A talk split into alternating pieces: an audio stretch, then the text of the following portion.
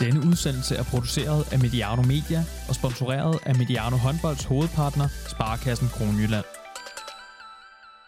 Velkommen til Mediano Håndbold, og velkommen til Strange og Ladegaard, den faste månedlige klippe i en tid fyldt med forandringer. Mit navn er Johan Strange, og med mig har jeg Thomas Ladegaard. Velkommen til dig, Thomas. Tak skal du have, Johan. Tak. Så sidder vi her sørme igen. Ja, i, i, uh, i levende liv, havde han sagt. I levende liv på, natter, på Nattergælvej 6. Og, og fysisk, og det, er, det ligner faktisk sig selv nogenlunde. Jeg har en, uh, en handske på, og vi er godt afsprittet, men vi er her i levende liv. Og vi kampsveder, og vi har ligesom tre muligheder for at afdække det. Vi kan åbne vinduet, så er der larm, så har vi en ventilator, øh, sådan en, ja, det ligner noget, der er faldet ned fra det ydre rum, som står og, og, og drejer lidt og kigger på os lige nu her, så hvis vi skruer mere op for den, så larmer den også af helvede til. Øh, og det sidste er så, at vi kan bide det i os, så bliver lyden spidse, men vi garanterer så heller ikke, at vi overlever udsendelsen ud. Øhm, Men ja, alt, det, alt, for, alt for lytterne, Johan. Alt for lytterne. Alt for lytterne. Men øh, det, er blevet, øh, det er blevet sommer i Danmark, og det, er jo, øh, det skal vi heller ikke klage over.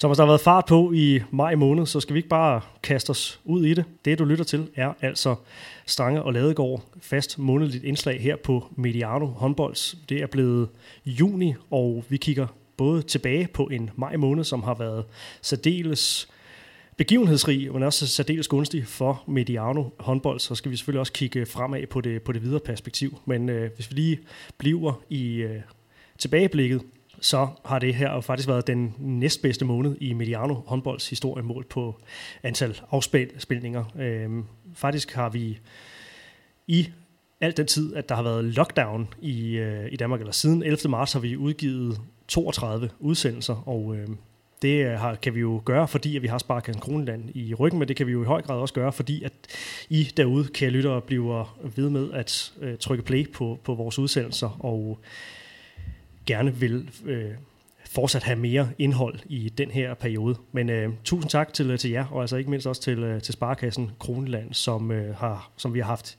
i ryggen siden 2018. Det er altså... Øh, hvis du kan lide det, vi laver, så er det Sparkassen Kroneland, du skal sende en øh, kærlig tanke til. Øh, men da vi snakkede sammen for en måned siden, der var alt stadigvæk lukket ned, og øh, mange ting så fuldstændig håbløse ud, og vi havde godt nok indstillet os på en, en ny form for hverdag. Men der er jo rigtig mange ting, der har ændret sig i løbet af den her maj måned, det skal vi snakke om i udsendelsen her. Nu lysner det. Maj måned, det blev altså måneden, hvor Humble Danmark fik græs under fødderne i stedet for stuegulv. Det er jo så også i stedet for halvgulv indtil videre, men vi fik tændt et lys for, for det her, som vi jo et eller andet sted hele tiden har vidst, men altså, når man er i det her sådan mørke limbo, så har man jo også brug for det her lys, øh, som man kan sige, jo længere der går, jo, jo, mere, øh, jo længere væk føles det. Så vi kan jo kigge ind i, at vi jo kommer til at spille håndbold igen, før eller siden. Glædeligt, Thomas. Ja, og, og, og jeg kommer også til at tænke på den samtale, vi havde ret tidligt i coronaforløbet med Troels Bangård, hvor vi talte om det der med, at at øh, vi mennesker har også brug for en eller anden form for udvej. Altså vi har brug for, at vi kan se, hvornår slutter det her egentlig. Øh, og man kan sige, der er vi heldigvis der, hvor vi begynder at være nu, at vi i hvert fald kan se en ende på det her, hvis vi kigger med det på med håndboldøjne. Så, så, så det er lige præcis et, et, et lys, der er blevet tændt. Øh, man kan så samtidig sige, det er jo også nogle weekender her, hvor hvor vi jo ellers ville have set uh, Final Four for Køllen, eller uh, uh, hvad hedder det, mesterskabsfinaler og alt sådan noget. Det kommer vi så ikke til, og hvis, hvis man er nogen, der har sådan nogle øh, Facebook-minder og sådan noget, der kommer op, så er det jo altså lige præcis på den her tid på året, hvor hele sæsonen kulminerer. Det kommer vi så til at undvære i år. Ja, vi snakkede sidst om, hvad, hvad, hvad tiden på ikke mindst de sociale medier bliver, bliver fyldt ud med, og jeg synes faktisk, der har sådan været sådan en tendens til netop det her med de her All-Star-hold, og, og, og selvfølgelig kører Jasmin Suta stadigvæk sine, sine gamle kampe, og, og man, kan, man kan kigge sådan i retrospekt på, på håndboldens historie. Det, det er der stadigvæk noget af, men det er i høj grad blevet erstattet af netop den her snak om, om, øh, om minder, og øh, ja, på denne dag, der skulle øh, DN-finalen ja. være afholdt. Øh, på denne søndag, der skulle Champions League øh, for herre være, være blevet afgjort og, øh, og, og alt den slags her. Så det bliver også sådan lidt en, øh, hvad kan man sige, en, en, en deprimerende reminder om, om noget af det, som vi som coronaen desværre har faret benene væk under. Ja, lige præcis. Lige præcis. Altså, jeg, jeg lavede for nylig en samtale med Sonny Larsen omkring Varder, og så var jeg inde og se Final Four der fra 2017. Det ligger stadigvæk og det var vigtigt, der kom jeg til at tænke, okay, det skulle være meget fedt, hvis man kunne sidde ja. og se det. Det bliver så ikke i år. Jeg har også endnu engang kørt et par Champions League-finaler på, på YouTube i den her weekend. Sådan er det jo, når man, når man har tiden til det. Og nu, nu er jeg jo kommet i den situation, hvor jeg faktisk sætter pris på, når jeg har øh, weekenderne, fordi øh, jeg er jo så kommet på arbejde igen. Det skal vi, kan vi lige vende, vende tilbage øh, til os. Men øh, vi vil lige starte med, øh, med, med dig også. Øh, i øh, noget af det her, vi, vi kommer til at tale om, øh, med den her sådan gradvise øh, genåbning her, som jo i høj grad influerer på, på foreningslivet, og det, det er super glædeligt. Du har med nogle, øh, nogle unge piger at gøre, som øh, har fået som er blandt dem, der har fået græs og fødderne igen. Det tænker jeg, det må, det må også have været rart at, at, at se dem igen. Er det mere øh, rart at se dem, og rart for dem at være i gang, end det er problematisk med de restriktioner, der så er at arbejde med? Hvordan, hvordan balancerer man de, øh, de ting, synes du? Ja, det er faktisk et rigtig godt spørgsmål. Altså, jeg bruger lidt tid med nogle øh, U13-piger her i København, og det, Øh, Øhm, altså det, er, det er jo ret specielt det der med den første gang, vi mødte op, i stedet for at sige hej, og der er jo nogle, nogle børn, der er rykket op, og nogen, der er kommet op som første år, så sådan noget, der vil man jo gerne byde dem velkommen. Og noget af det første, man skal sige, det er, I må ikke stå så tæt.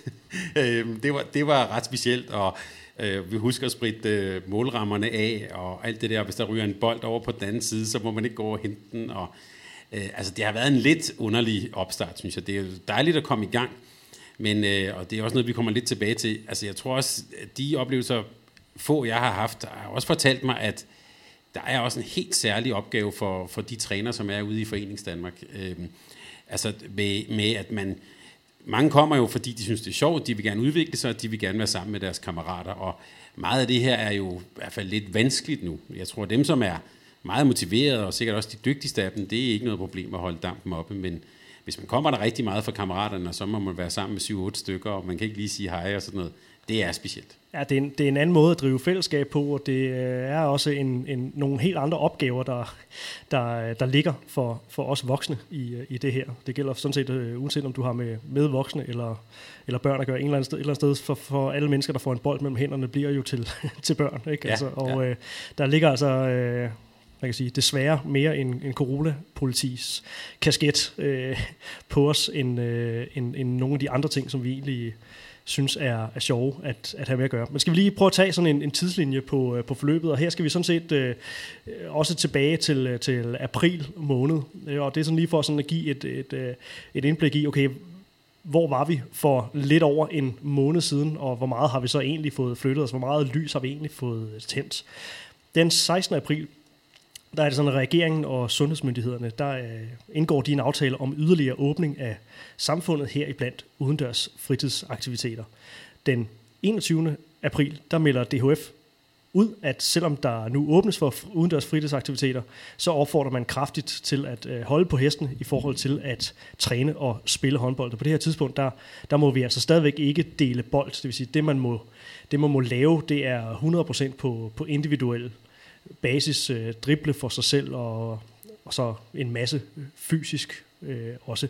Så det handlede, øh, det handlede så på det her tidspunkt rigtig meget om, at man ville ikke lade de frivillige i øh, foreningerne, øh, altså trænerne, stå med, med, med for meget ansvar. Så der går forbundet altså på det her tidspunkt ind og tager, en, en, øh, tager et ansvar for hele, for hele håndbold Danmark og siger, I er nødt til lige at, at vente med, øh, med, med nogle ting her. Og ja, slut april, var, der var I ikke kommet øh, i gang endnu med, øh, med noget. Der foregik det vel stadig online. Ja, og der var og, og, og med lidt opfordring til, at, øh, at nu, nu skal I huske at lave nogle øvelser og sådan noget. Øh, og der, kan jeg, der havde jeg også lidt den bekymring, øh, apropos at, altså hvis man er 13 år, øh, så, så går man jo ikke til håndbold for at ligge i planke i, i to minutter eller sådan noget.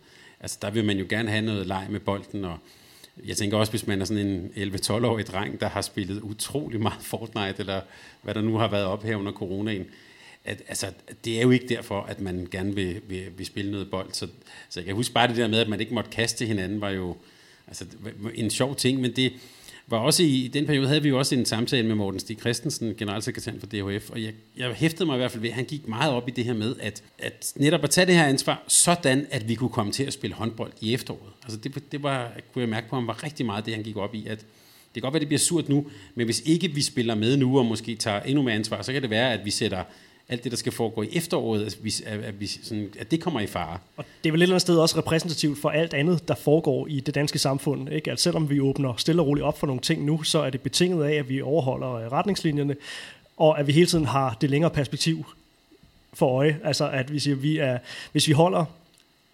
retningslinjerne nu her, så venter der altså den gulderod, at, at øh, vi kan komme endnu mere i gang, øh, måske noget, noget, noget før.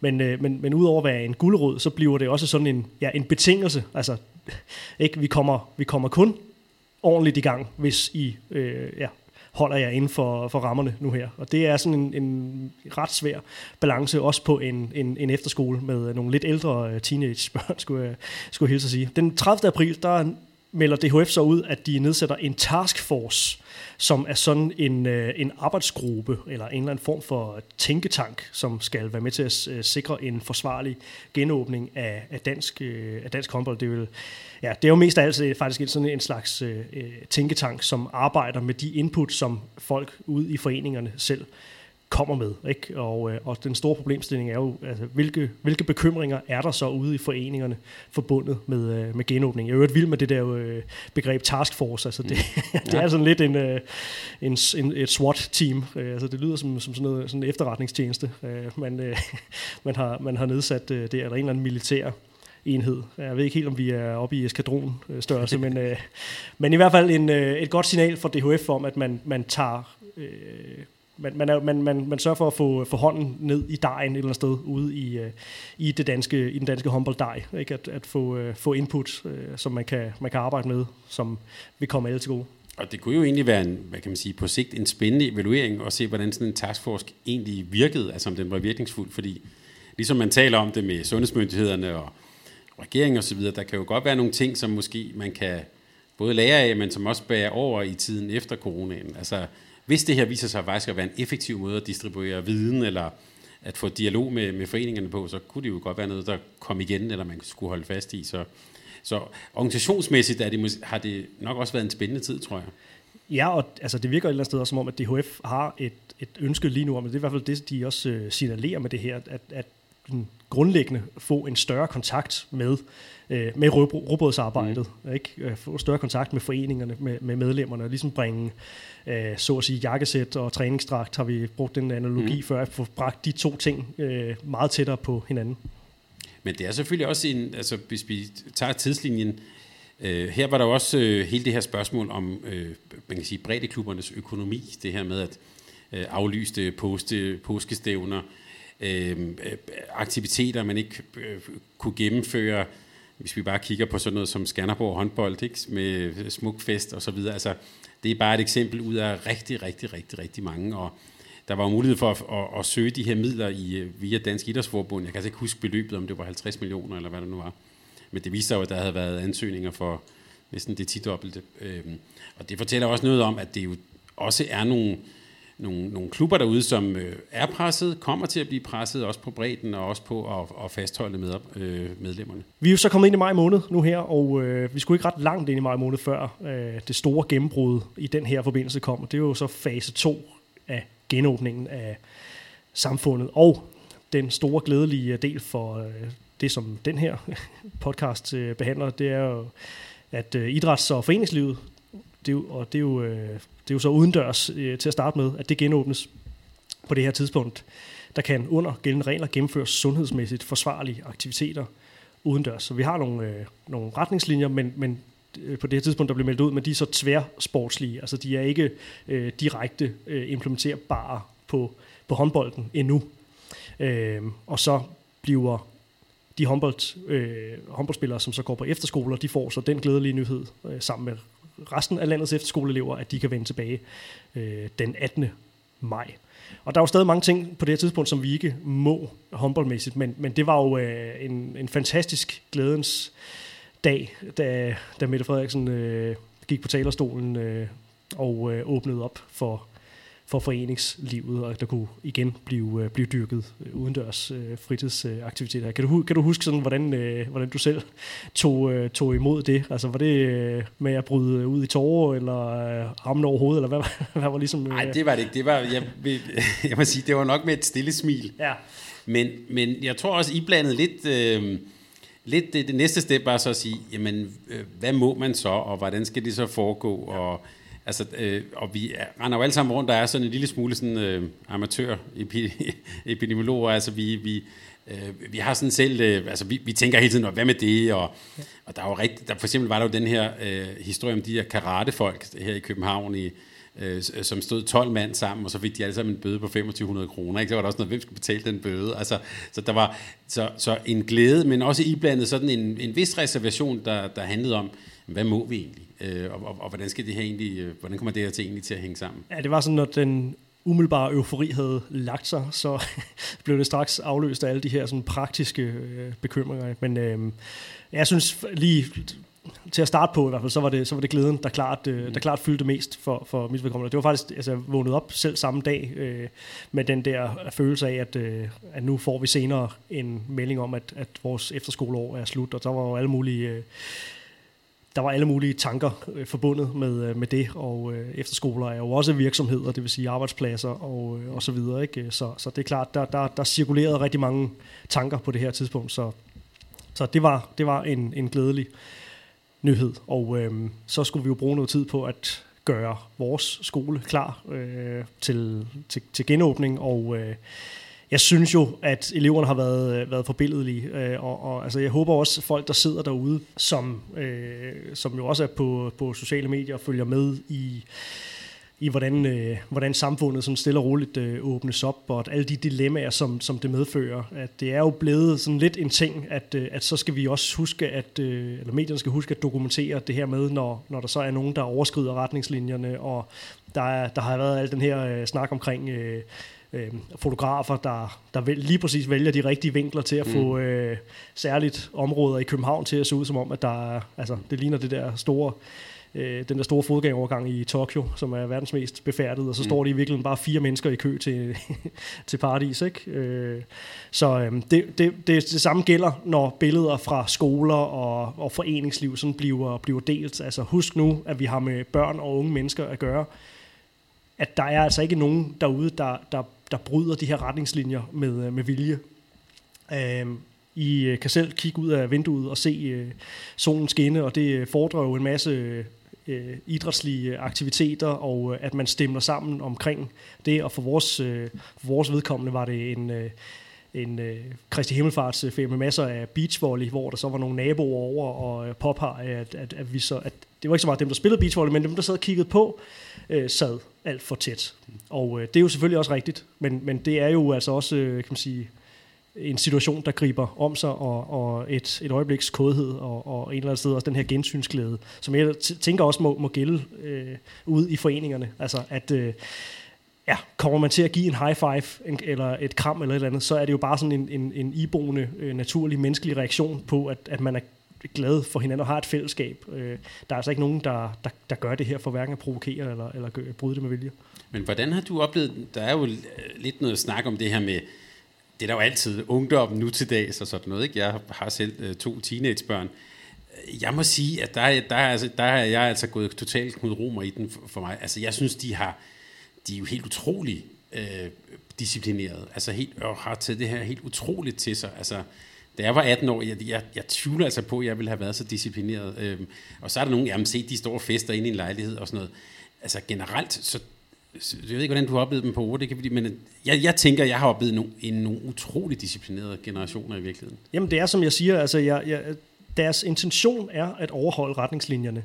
At man så indimellem, og det kan også godt være øh, flere gange på en dag, kommer til at bryde dem, jamen det er jo ikke, øh, det er jo ikke ens betydende med, at man er ligeglad. Jeg synes, jeg også oplever en, en øh, altså jeg stemmer i og siger, at jeg oplever en generation, som tager, som tager det her alvorligt, men som også selvfølgelig er begejstret over at have fået det privilegie at, øh, at, at få noget af sin, sin ungdoms øh, glæder tilbage igen. Mm. Øhm, og det synes jeg bare, man skal, man skal huske, når man sidder øh, bag en eller anden skærm og, og sidder og ser øh, et, et billede af noget, der foregår langt væk med nogle unge mennesker, der, der hygger sig. Og prøv at høre, øh, jeg, hands down, jeg har, jeg har selv faldet i den der med øh, at sidde på Fyn og kigge øh, på billeder fra København og og øh, set fra dronning Louises bro og, og altså noget der jeg vil så sige, at det var på et andet tidspunkt i, i den her øh, mm. pandemi, og jeg, jeg er bestemt ikke ude på at tale den ned. Altså, den, den eksisterer stadigvæk, og den gør folk syge og, og slår, slår, slår folk ihjel. Men der er også åbnet op for samfundet af en grund. Øh, og det er jo, at, at, at smittetrykket er anderledes, end det var øh, for, for to måneder siden. Øh, så det synes jeg altså, man skal, man skal huske, øh, når man, øh, altså også når man ser øh, folk i et X-Factor-studie stå tæt og sådan noget. Men man må gå ud fra, at, at, at dem, der foretager sig de her ting, at de faktisk har, har styr på det, og ikke øh, øh, er bryder retningslinjerne for at øh, gøre, gøre nogen ondt. Men øh, det er jo ikke ens med, at man ikke skal, fortsat skal være opmærksom øh, på, på, på det her. Men hvordan har det så været for, for efterskolefolk? Man kan sige, det er jo et år, der ikke kommer igen. Mm. Hvordan øh, deres hverdag og sådan, hvordan, kan, altså kan de overhovedet træne noget håndbold? Og, og, og Jamen, vi er jo nærmest blevet en fitnesslinje, altså, ja. øh, men, øh, men, men beach handball, vi må jo ikke sige det på dansk mere. Mm. så øh, det er jo, øh, det, det kan vi jo stadigvæk, øh, det, det kan vi jo spille, ikke? fordi det, det er jo overholder jo sådan mestendels de her retningslinjer mm. øh, med at, ja, at, at taklinger er, øh, er ikke øh, velanset. Det er ikke sådan en rigtig en integreret del af, af spillet. Altså, men så får man jo lavet noget, hvor at man er Øh, man, kan holde, øh, man kan holde forsamlingsforbuddet, mm. man kan lave noget, der handler om at kaste til hinanden, kaste på mål, og, og, og det ligesom er det her, øh, det her spil, og øh, ja, som... Øh, det er jo det er corona-kompatibelt mm. strandhåndbold. Så øh, et eller andet sted vil jeg også gerne sådan slå et slag for, at øh, jeg, altså jeg ved godt, at der så vil være nogle ting i forhold til, øh, til, til tilskuere og sådan noget der, men øh, jeg, vil, jeg vil faktisk godt slå et slag for, og det, det troede jeg aldrig, jeg skulle høre mig selv øh, sige, men, øh, men at, at øh, strandhåndbolden øh, kan få lov at leve igen øh, fra, fra næste måned af. Det vil jeg faktisk øh, ønske, at vi på en eller anden måde kunne få, få begejstringen øh, tilbage, få, få sådan stævne... Øh, viben tilbage i, øh, i dansk håndbold. Altså, det er faktisk noget, jeg synes, vi har, sådan har, har brug for nu her. Ikke? At nu får vi en eller anden karenstid her, hvor vi får øvet os øh, på at, øh, at dyrke, øh, dyrke håndbold under de forudsætninger, vi må. Men øh, ja, det, det synes jeg kunne være et, øh, et tiltag, som jeg faktisk ville, øh, ville bakke op om. Det havde jeg ikke troet, jeg ville høre mig selv sige. Men, øh, men, men vi må jo de ting, som, øh, som, som, I, også, øh, som I også må. Altså, øh, det er stadigvæk med rigtig stort fokus på, på det fysiske, øh, og så er det boldmæssige, jamen det er jo et spørgsmål om at få følingen igen, øh, og så er, er det jo at være opmærksom på den mængde af kast, som, som vi øh, får, øh, får afviklet i løbet af, af en uge. At man sådan ikke kører lige på og hårdt, fordi det er langt fra alle, der har holdt skulderen ved lige i, i den her øh, tid, hvor, man har, hvor vi har været hver for sig. Så det er sådan noget, der sådan gradvist skal, øh, skal bygges op, og, øh, og jævnføre den udsendelse, som, som vi lavede med, øh, med Tue Kvorning fra Team Danmark her for, øh, for nylig, som øh, hvis ikke man har hørt den, så kan man jo øh, få nogle tips til, hvordan man sådan bedst muligt kan, øh, kan, kan starte op, når man, når man lytter til den. Ikke? Det handler jo om sådan nu her gradvist at øh, progradiere, som det, det akademiske udtryk er. Mm. Stille og roligt få bygget på. Og det, ja, det, det er også det, som vi forholder os til. Altså vi, øh, vi, vi kaster os ikke ud i, i noget, øh, som, øh, som ligger ja, for langt ude for, for rækkevidde, og vi er bestemt ikke på, på halvgulv endnu, selvom det nok bliver ja, formentlig noget af, at det næste, der sådan stille og roligt åbnes, åbnes op for. Og det køber eleverne jo ind på, og de er jo, de er jo, det er jo den præmis, øh, som, som de ligesom har at arbejde med. Men jeg tror også, der er rigtig mange trænere, der faktisk bliver udfordret på det her. Øh, sådan de her trænere, som bliver motiveret af at træne 6 mod 6, øh, og det er færdige spil. Og jeg skal overhovedet ikke, øh, jeg, jeg vil ikke bruge det her til at, øh, at åbne snakken om øh, kan man sige, perspektiverne for det, og hvad man bør gøre som ungdomstræner. Det, det ligger den enkelte fuldstændig frit for. Øh, men, men jeg kan bare, jeg har en klar forestilling om, at der er nogle trænere, der er klart mere udfordret af den type håndbold, som man må træne nu, end, øh, end andre. Øh, og det, det tror jeg faktisk bliver rigtig interessant at se øh, derude, hvordan man, øh, hvordan man griber, griber det an. Ikke? Altså, lige nu skal vi jo alle sammen være være børnetrænere faktisk. Måske er vi også et sted, hvor det faktisk er en kæmpe fordel for mange. Altså det her med, at vi øh, faktisk får en, jeg har sagt, en stille og rolig sæson opstart med god fysisk træning, øh, en masse leg med bolde, altså, øh, og det gælder jo både for de helt små, og måske også de større, alt det her sådan boldkontrol og sådan noget, som der måske ikke altid er, er, er tid til. Stort individuelt fokus, øh, der er god tid til sådan alle de der skadesforbyggende øvelser, og der er ikke nogen kampe, der sådan øh, sætter pres på, eller øh, gør, øh, øh kan man sige, tvinger frem, at nu skal vi træne en eller anden særlig 6 mod 6 spil og sådan noget. Altså det der med, at vi får lavet en masse boldleje. I får også spillet øh, beachhåndbold. Man kan øh, mene om det, hvad man vil, men der er i hvert fald der er knald på. Der er rigtig mange skudformer, der er mange mål, der er, altså, der er action på. Øh, så det her med, at vi... Øh, at vi får sådan lidt en eller anden form for brud med det der sådan alt for meget taktiske fokus på 6 mod 6 spil. Og jeg kom faktisk til at tænke på øh, øh vores, vores gode ven fra, fra Skjern nu, Claus Hansen, som jo, øh, da han var ungdomslandstræner, øh, jo sagde sådan lidt provokerende, at hvis han havde et, øh, dengang et U18-hold, så ville han faktisk, hvis han kunne vælge, så ville han ikke tilmelde dem turneringen. Så ville han bare træne. Øh, og så måske være med i nogle stævner og sådan noget. Øh, og jeg tænker måske, det er faktisk der, hvor vi, øh, hvor vi er nu. Det er sådan en, en Claus Hansen-drøm. Ikke, ikke, rigtig nogen kampe. Total individuel øh, fokus. Øh, og, så der, der er jeg i hvert fald sådan indrettet altså at sige, jamen, det er sådan, det er. Så brug dog det til, altså det er jo en kæmpe mulighed for måske at få, få øvet på noget, vi normalt ikke lige får øvet på.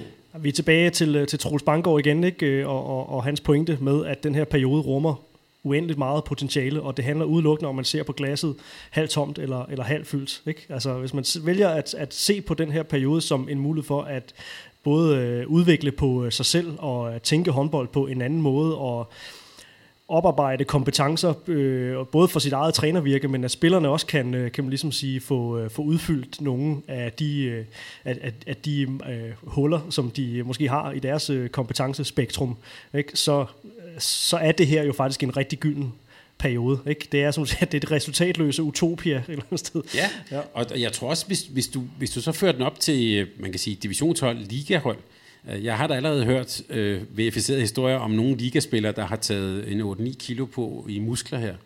Øh, altså det er jo faktisk, du har faktisk en periode her, hvor du egentlig kan, kan rykke på nogle af de der parametre.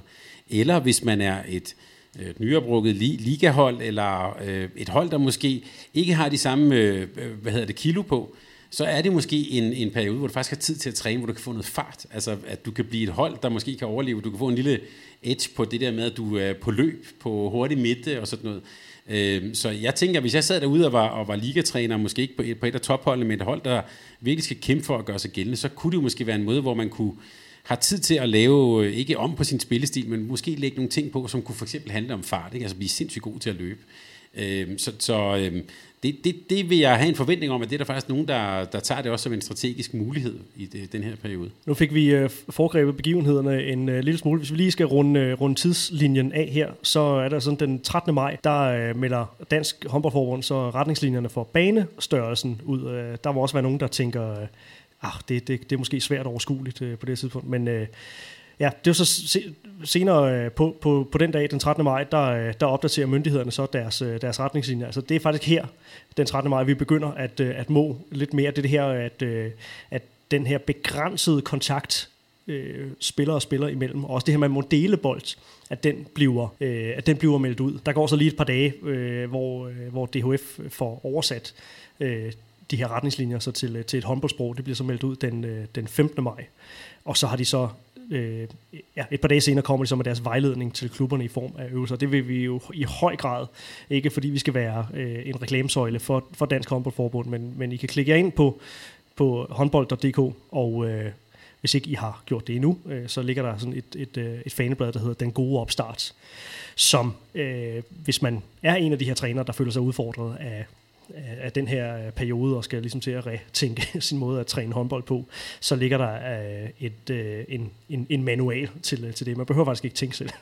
Nej, der, og derudover er der jo adskillige gode trænere, og kæmpe applaus til dem, som faktisk har lagt en masse andre gode øvelser op. Jeg, jeg sad og blev helt hypnotiseret af, af sådan en, en, en ungdomsspiller, der bare stod og bankede bolden op ad væggen og lavede alle mulige bevægelser ud for det. Altså det, det synes jeg var det var virkelig kreativt, det var godt fundet på. Altså man kan, lave, altså man kan jo lave utrolig meget. Det er bare fordi, vi jo egentlig bare er vant til, at øh, jamen, vi har alle de her remedier og handel og sådan noget, men når man ikke har det, så viser det sig, så kan man faktisk godt en masse ting alligevel. Ja. Vi er jo stadigvæk en, en lille smule efter nogle af vores øh, skandinaviske venner på nogle af de her retningslinjer, fordi i hvert fald i Norge øh, er det sådan, at øh, man er begyndt at øh, måtte lave nogle af de her ting indendørs. Og øh, det blev delt på, på, på Ubolt, og øh, der, der kom så nogle kommentarer, og det, det er sådan det er der, at, øh, at jeg, øh, jeg godt kan blive en lille smule øh, træt, og, og sådan, at blive sådan en lille smule bekymret omkring, folk nu tror, at, at hele den her... Øh, ja, globale pandemi altså nærmest er, er overstået, fordi vi nu gradvist begynder og forsigtigt begynder at åbne samfundet op, og jeg forholder mig ikke til, om det ene øh, eller det andet er det rigtige. Jeg er nok bare så autoritetstro, at jeg stoler på mine, øh, på mine myndigheder, øh, og, og, et eller andet sted er glad for, at jeg ikke bor i Turkmenistan eller Hviderusland, som øh, med en præsident, der mener, at det bare skal ryges væk. Mm. øhm, og som stadig afvikler håndboldkampe langt ind i en... Øh, ja, i en kan man ryge det væk? Det, ja, skulle, det, det skulle du da have sagt det var, før. Der var et eller andet med, øh, med, med, med vodka og, og smøger, mm. som øh, Lukashenko han øh, slog på.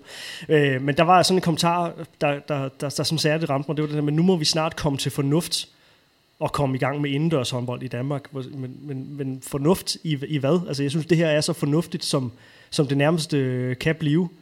Øh, og øh, det igen, det kan godt være, det bliver, det bliver subjektivt, altså, men jeg er jo nok bare den her, er, som sagt, autoritetstro og tilhænger af, at det er bedre at være for forsigtig og øh, med, med al respekt for, for øh, mindre virksomheders økonomi og med respekt for arbejdspladser osv., så, så synes jeg ikke, at det er fornuftigt at fremskynde noget som helst fordi nu er vi begyndt at kede os, og nu har vi undværet håndbold i for lang tid, eller at øh, vi kan kigge øh, på Norge og, øh, og, og se, at de er kommet i gang på en, en anden måde. Det her med, jamen de spiller indendørs i Norge, ja, men, men altså har du undersøgt, øh, om smittetrykket måske er anderledes de steder i Norge, hvor man er begyndt at, at, øh, at åbne op? Altså det er ikke noget, jeg har researchet i. jeg siger, altså det, det bliver bare sådan en, en unuanceret snak om, igen det her standpunkt.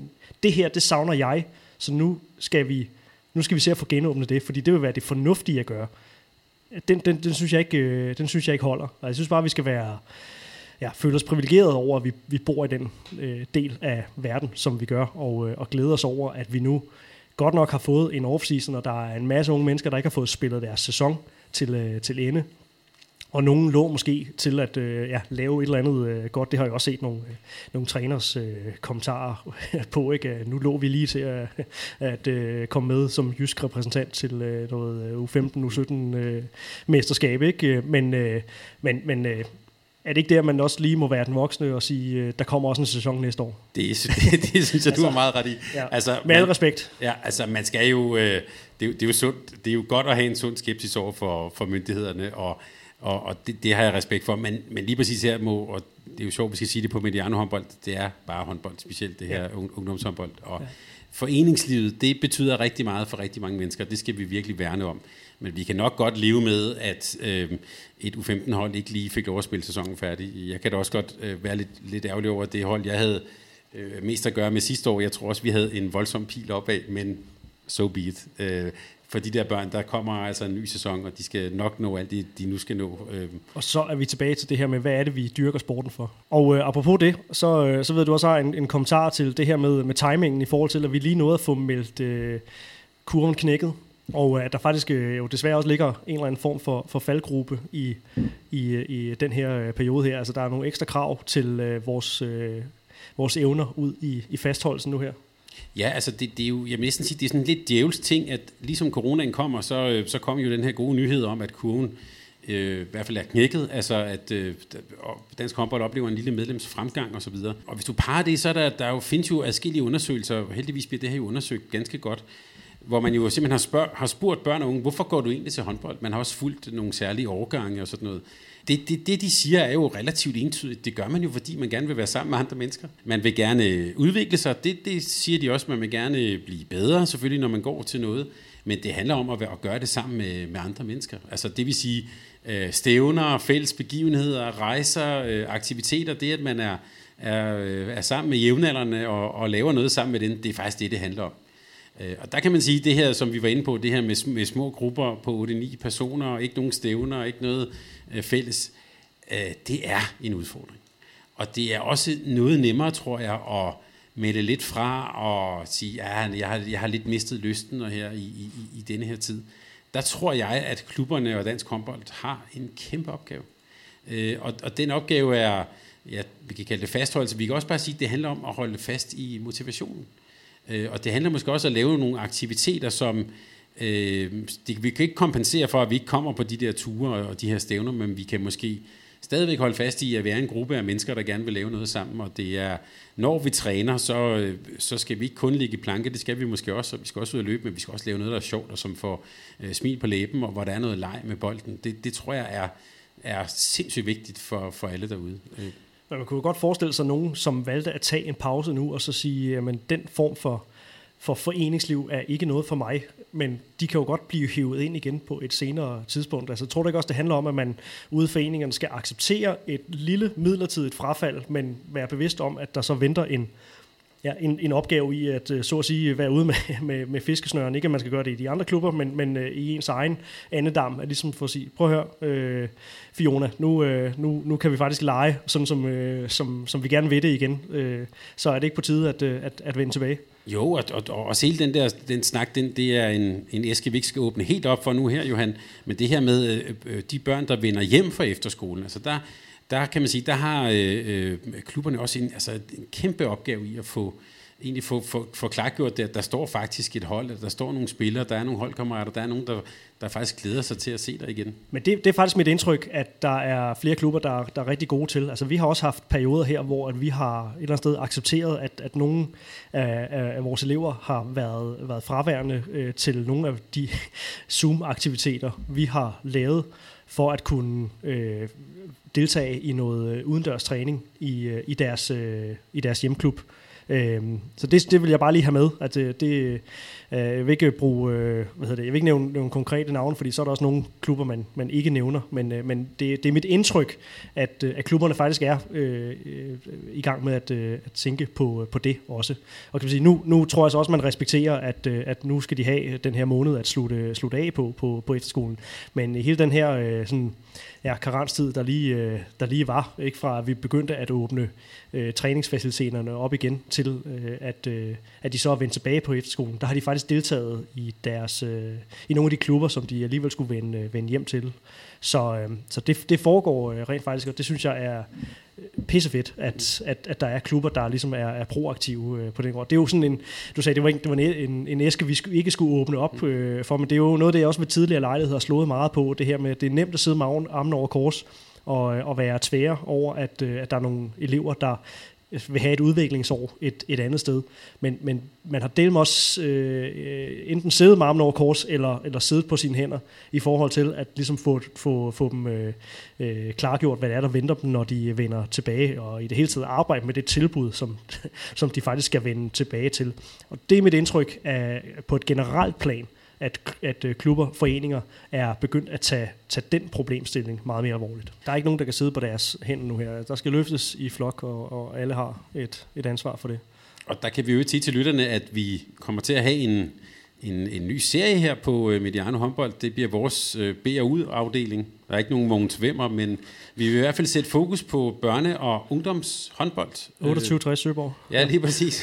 øh, BRU-afdeling. Ja. Men øh, der kommer vi til at sætte fokus på kan man sige, børne- og ungdomshåndbold ganske bredt. Øh, og det kan både være talentudvikling, det kan også være, hvorfor spiller vi på kortbane, men vi har i hvert fald lige nu nogle tanker om at, at sætte fokus lige præcis på det her omkring øh, fastholdelse, eller blive ved med at sådan en kontinuerlig øh, motivation, også i tider, hvor det måske har, har, har været vanskeligt at fastholde den. Og det bliver alt fra trille trolle til øh, U19, så, øh, så man kan også øh, jeg synes selvfølgelig, man skal høre det hele, men, men man kan også selektere øh, i det, øh, afhængig af, for en øh, interessegruppe man, man tilhører. Og, og det skal så, kan, kan vi sige, kan være en, en lille bro over til det næste punkt, vi gerne vil tale om, som jo også handler om, man kan sige, en anden del af dansk håndbold, som også er udfordret, nemlig, man kan sige, den professionelle del, eller toppen af, af, af kransekæden.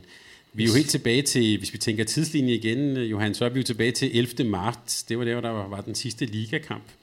Øh, og så 7. april blev, jo så, blev der så truffet den her øh, afgørelse i udvalget for professionel håndbold, at øh, man kan jo egentlig sige, at fastfryse øh, stillingerne der, hvor de var. Vi fik kåret nogle mestre, og vi fik også kåret nogle kåret er måske et forkert ord, men i hvert fald fik udvalgt nogle, fik udvalgt ja. nogle hold, der ja. skulle rykke op og ned. Øh, og øh, det viste sig jo så, at det her udvalg for professionel håndbold jo ikke helt havde øh, lovmæssig hjemmel eller juridisk hjemmel til at tage den afgørelse. Øhm, og det var jo så i Aalborg, Nordsjælland håndbold og Odder, som ankede den her afgørelse til håndboldens appelinstans. Ja, det er jo ligesom også dem, som selv med de mest, øh, hvad hedder det, det er også dem, som man med objektive briller må sige var de største tabere af den beslutning, der blev taget i, i, i første omgang. Altså særligt sige uh, øh, EH Aalborgs kvinder, og det har intet som helst med vores relation til uh, Allan Heine at uh, gøre, men uh, netop det her med, at, at de er point og med en kamp i, eller var det et point bagefter, tror jeg det var, men, men, øh, men manglede øh, kampen mod deres direkte modstander øh, på, der, på Aalborgs hjemmebane i en af de tre runder, der manglede. Og så vælger man at, øh, at, at, at lave snittet der. Det var meget ubarmhjertigt, så meget naturligt, at de selvfølgelig valgte at appellere. Det, jeg tror, at de fleste vil også tænke på i Holborg. Nordsjælland havde jo også en teoretisk mulighed, og selvom vi her på redaktionen holder rigtig meget af Simon Dahl, så vil vi sige, det, det var måske lidt mere et long shot, at, men det var trods alt en, en mulighed. Så vi kan i hvert fald sige, at det var tre klubber, der var jo var part i sagen. Øh, og der skete jo så det her 5. maj i den, i den forgangne måned, der, øh, øh, der blev den sådan beslutning egentlig ophævet af øh, håndboldens øh, appelinstans. Øh, og det endte jo så med et møde den 25. maj i DHF's repræsentantskab. Ja, og det var jo de her ty- berømte 20 dage, der så skulle, skulle gå. Altså, så det er jo også... Altså, når man kigger på det som, som sådan en tidslinje her, ikke? Altså, fra den 7. april til den 25. maj, det æder med med noget af et, et limbo, øh, dansk håndbold, øh, toppen af dansk håndbold for at køre af her. Ja, altså, og nogen vil sige, at det er øh, typisk dansk håndbold. Man kunne selvfølgelig også vinde mønten om og så sige, at det er jo øh, det bliver i hvert fald undersøgt til bunds, hvad er der egentlig hjemmel for, og sådan, og, øh, og man kan jo, altså, jeg, jeg tror bare, man må sige, øh, hvis man tager de juridiske briller på, øh, det er lidt svært at forudsige det her, når man skal skrive nogle regler for, for ligaerne, at der skulle opstå sådan en, en pandemi. Det kan være, det er noget, der skal skrives ind, i hvert fald til, til ja, han har sagt, desværre måske en anden god gang. Øh, men, men det har jo på alle måder været en, en situation, som vi har sagt mange gange, hvor der blev asfalteret, mens man kørte, men, men man kan sige, nu er i hvert fald status den, at repræsentantskabet, måske lidt overraskende, øh, jo godkendte det her øh, øh professionelle udvalgs øh, beslutning, med stemmerne 50 mod 1. Jordskredssejr. Ja, ja, ja. Men det foregår jo også sådan, altså nu, hvis folk har en eller anden øh, forestilling om, at der har siddet 51 mennesker til det her møde, så øh, det er jo faktisk ikke øh, tilfældet. Altså det var jo øh, netop repræsentantskab, hvor at, øh, at øh, kan vi sige, frontfigurerne for øh, de forskellige øh, regioner øh, kom, kom med hver deres stemmer, og så kan man jo også godt, øh, hvis man skal gå sådan lidt kritisk analytisk til værks, sige, men hvor altså, er det den korrekte demokratiske proces at sige, okay, hvis der er 51 gyldige stemmer, skal vi så samle dem i sådan nogle klynger af, af stemmer? Men det er jo faktisk, det er jo faktisk måden, det er blevet gjort på, så øh, ja, Fyn er kommet med, øh, ja, nu siger jeg bare 10, øh, mm. jeg, er ikke, jeg er ikke helt øh, fordelingen på, på plads, men det er sådan, det, det, det foregår. Der er siddet omkring en, en 11 øh, øh, mennesker, og de er så hver især kommet med sådan en lille håndfuld øh, stemmer her, øh, og øh, jeg er spændt på, hvem den ene, øh, der har stridet imod, har, har, har været. Det kan godt være, at der går lidt tid før, at øh, vi får, få det frem i, i, i dagens lys. Ikke? Men øh, det ser bare bemærkelsesværdigt ud, at, øh, at der skal gå øh, så lang tid øh, fra, at man træffer en afgørelse til, at man skal, skal øh, revurdere den øh, afgørelse og, og øh, efter en appel. Og, og så bliver det sådan en, en, en jordskredssejr til øh, kan man sige, stadfæstelsen af den oprindelige afgørelse. Det, ja, det, men, men jeg har også tænkt på, om man egentlig kunne, hvis jeg nu selv sad i det repræsentantskab, kunne jeg tillade mig at lave en, en anden afgørelse, end det organ, som vi har besluttet, skal tage den her type afgørelse. Øh, så, så på den måde er det vel egentlig logisk nok, at man på den måde stadfæster, eller kan man sige, øh, anerkender, at, at dem, som faktisk er involveret, som vi har lavet et, et udvalg for, det er også dem, der deres beslutning har sådan set været rigtig. Men sagen er jo ikke slut endnu. Nej, selvfølgelig er den ikke det. Øh, det er jo dansk håndbold. ja. så, så den er jo, de tre klubber har så jo appelleret den til, til man kan sige, til idrættens højeste ret, nemlig øh, Dansk Idrætsforbunds appelinstans. Øhm, yes. Og der ligger den faktisk nu, og det sidste, jeg i hvert fald kunne læse mig til, er, at, at den appelinstans har sagt, at vi vil, normalt handler de jo ikke hurtigt, øh, men at de vil på en eller anden måde handle så hurtigt som muligt, har de sagt, for at få en, en, en, øh, en afgørelse. Og Danmark øh, altså, glimter jo igen som øh, en form for forgangsland i det her, eller i hvert fald øh, en, en unik afgørelse, der er truffet i dansk håndbold, når man kigger på, hvad der ellers er foretaget af, af afgørelser og beslutninger rundt omkring i Europa. Ja, det synes jeg stadigvæk er måske en, en ting, der er værd at hæfte sig ved, at vi er i hvert fald af de store håndboldlande, store ligaer, der er vi altså det, det eneste land, der har truffet den her type afgørelse. Øhm, og altså, ja, vi, har, vi havde jo her i, i maj måned også en, en, en, en samtale med, med to klub, klubdirektører og en tidligere klubdirektør, og der var argumentet lidt, øh, øh, sådan som jeg har lyttet mig til det, at det handlede om øh, vores måden, vi har ligaen på, måden øh, programmet er svært og sådan. Men det tænker jeg, det er det egentlig også i de andre lande. Øh, så, så, øh, så vi har i hvert fald øh, vi har i hvert fald vist, at vi måske så, lad os så lad mig sige det på en anden måde, er lidt mere konservativt indstillet. Der har i hvert fald ikke været den her vilje til at tænke anderledes, tænke nyt. Øh, så der kan vi sige, der står vi ret alene med den her type afgørelse. Ja, ekstreme tider kræver ekstreme metoder, men der er man altså gået øh, konservativt til værks. Plus samtidig har vi også en situation, vi havde jo den her øh, øh, Zoom-debat, hvor der var både var trænere og spillere med og sådan noget, og der var egentlig en ret bred, sådan en ret bred konsensus, som jeg også har kunne se udtrykt andre steder, som handlede om, at man faktisk havde en vilje til at være, skal vi så sige, solidarisk eller tænke lidt anderledes, øh, spille de her to kampe ekstra, spille dem måske på en lidt anden måde eller lignende. Øh, og det kan man sige, det er i hvert fald blevet øh, banket ned. Det kommer ikke til at ske i Danmark, tror jeg ikke. Øh, og jeg tænker også, at DIF må have ret svært ved at lave en anden afgørelse, når nu dansk håndbold er så enige om, i hvert fald på, på topplan, at det er det, det, er det, man gerne vil. Men der blæser jo positive vinde over, over mange klubber. I hvert fald er der flere klubdirektører, der er, der er ude og tale positivt om, om håndboldens fremtid. Og der er jo selvfølgelig der er jo forskel på, øh, på hvordan klubberne er, er stillet. Og der er, der er altså lige nu øh, selv i, inden for, kan man sige, det, det skal, der hedder Øh, inden for den øverste række, øh, så, så er der altså meget, meget stor forskel på, om man er topklub eller, eller bundklub, så vi kigger på, øh, på økonomi og, øh, og perspektiver. Ja, altså, øh, der har jo været rigtig mange positive udmeldinger. En af dem, som måske var først ude, var øh, den fantastiske Thysen, Carsten Thysen i, øh, i, i, i Skjern. Købmanden. Ja, øh, det har, så vidt jeg husker, noget med ost at gøre oprindeligt. men, øh, men jo øh, på, på alle måder en, jo en, også en af de der, en, en forgangsmand for en af de store klubber i Danmark. Og han sagde, at den her, han mente, at han havde både et håb om, men også en formodning om, at den her situation faktisk viste, hvor meget man savner håndbolden derude. Øh, det var også det, vi hørte fra vores samtale, blandt andet med Jesper Skov i Bjergbro Silkeborg, at når de taler med nogle partnere og sponsorer, folk, der bidrager til klubben, at, øh, at de siger jo også, at de faktisk savner at komme i handen. De savner det der netværk. De savner faktisk at komme ud og, og komme ud og se noget håndbold. Øh, og i hvert fald dem, vi talte med der, øh, var faktisk, så faktisk ret positivt på den kommende sæson. Øh, man kan sige, øh, for mange klubber kom coronaen jo på et tidspunkt, hvor man var ved at lukke, eller allerede havde lukket faktisk den kommende sæson. Øh, så på den måde var timingen ikke helt i skoven. Øh, og man kan så sige, øh, de skylder nogle kampe. Øh, og, og derfor tror jeg, at øh, at den øh, optimisme, vi har hørt om, øh, jeg tror også, der er en anden side af den mønt, som handler om, at øh, vi måske ikke har set, øh, øh, hvad kan vi sige, øh, vi, har, vi har ikke set sådan øh, den downside, der måske kan komme, når hvis vi kommer ind i november, eller i, øh, undskyld, i september, og der ikke er nogen øh, tilskuere og sådan noget, der, så kan det godt være, at der er nogle klubber, der får problemer. Jeg kan se, at Carsten Thysen på Finans.dk øh, for øh, efterhånden en del år siden er blevet kaldt matadoren for skærn, så, mm. så har vi ligesom fået, øh, fået, fået rammet ham ind. Måske meget sigende.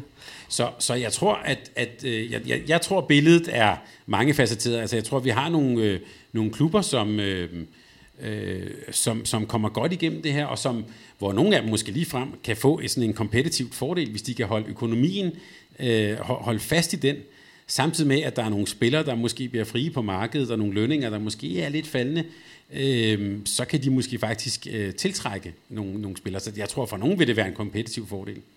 Men apropos håndboldklubber og økonomi, skal vi lige tage pulsen på Kolding? Og ja. det evigt øh, tilbagevendende, øh, må jeg have lov at sige, smertens barn i, øh, i Herligaen. Ja, altså, øh, og når vi taler om en mangefacetteret billede, så kommer Kolding jo ret hurtigt op. Altså, man kan sige, det er jo en klub, der kommer efter mange, mange år øh, med, med, med turbulens. For dem kom coronaen i hvert fald ikke på noget godt tidspunkt. De var jo faktisk ved at opruste.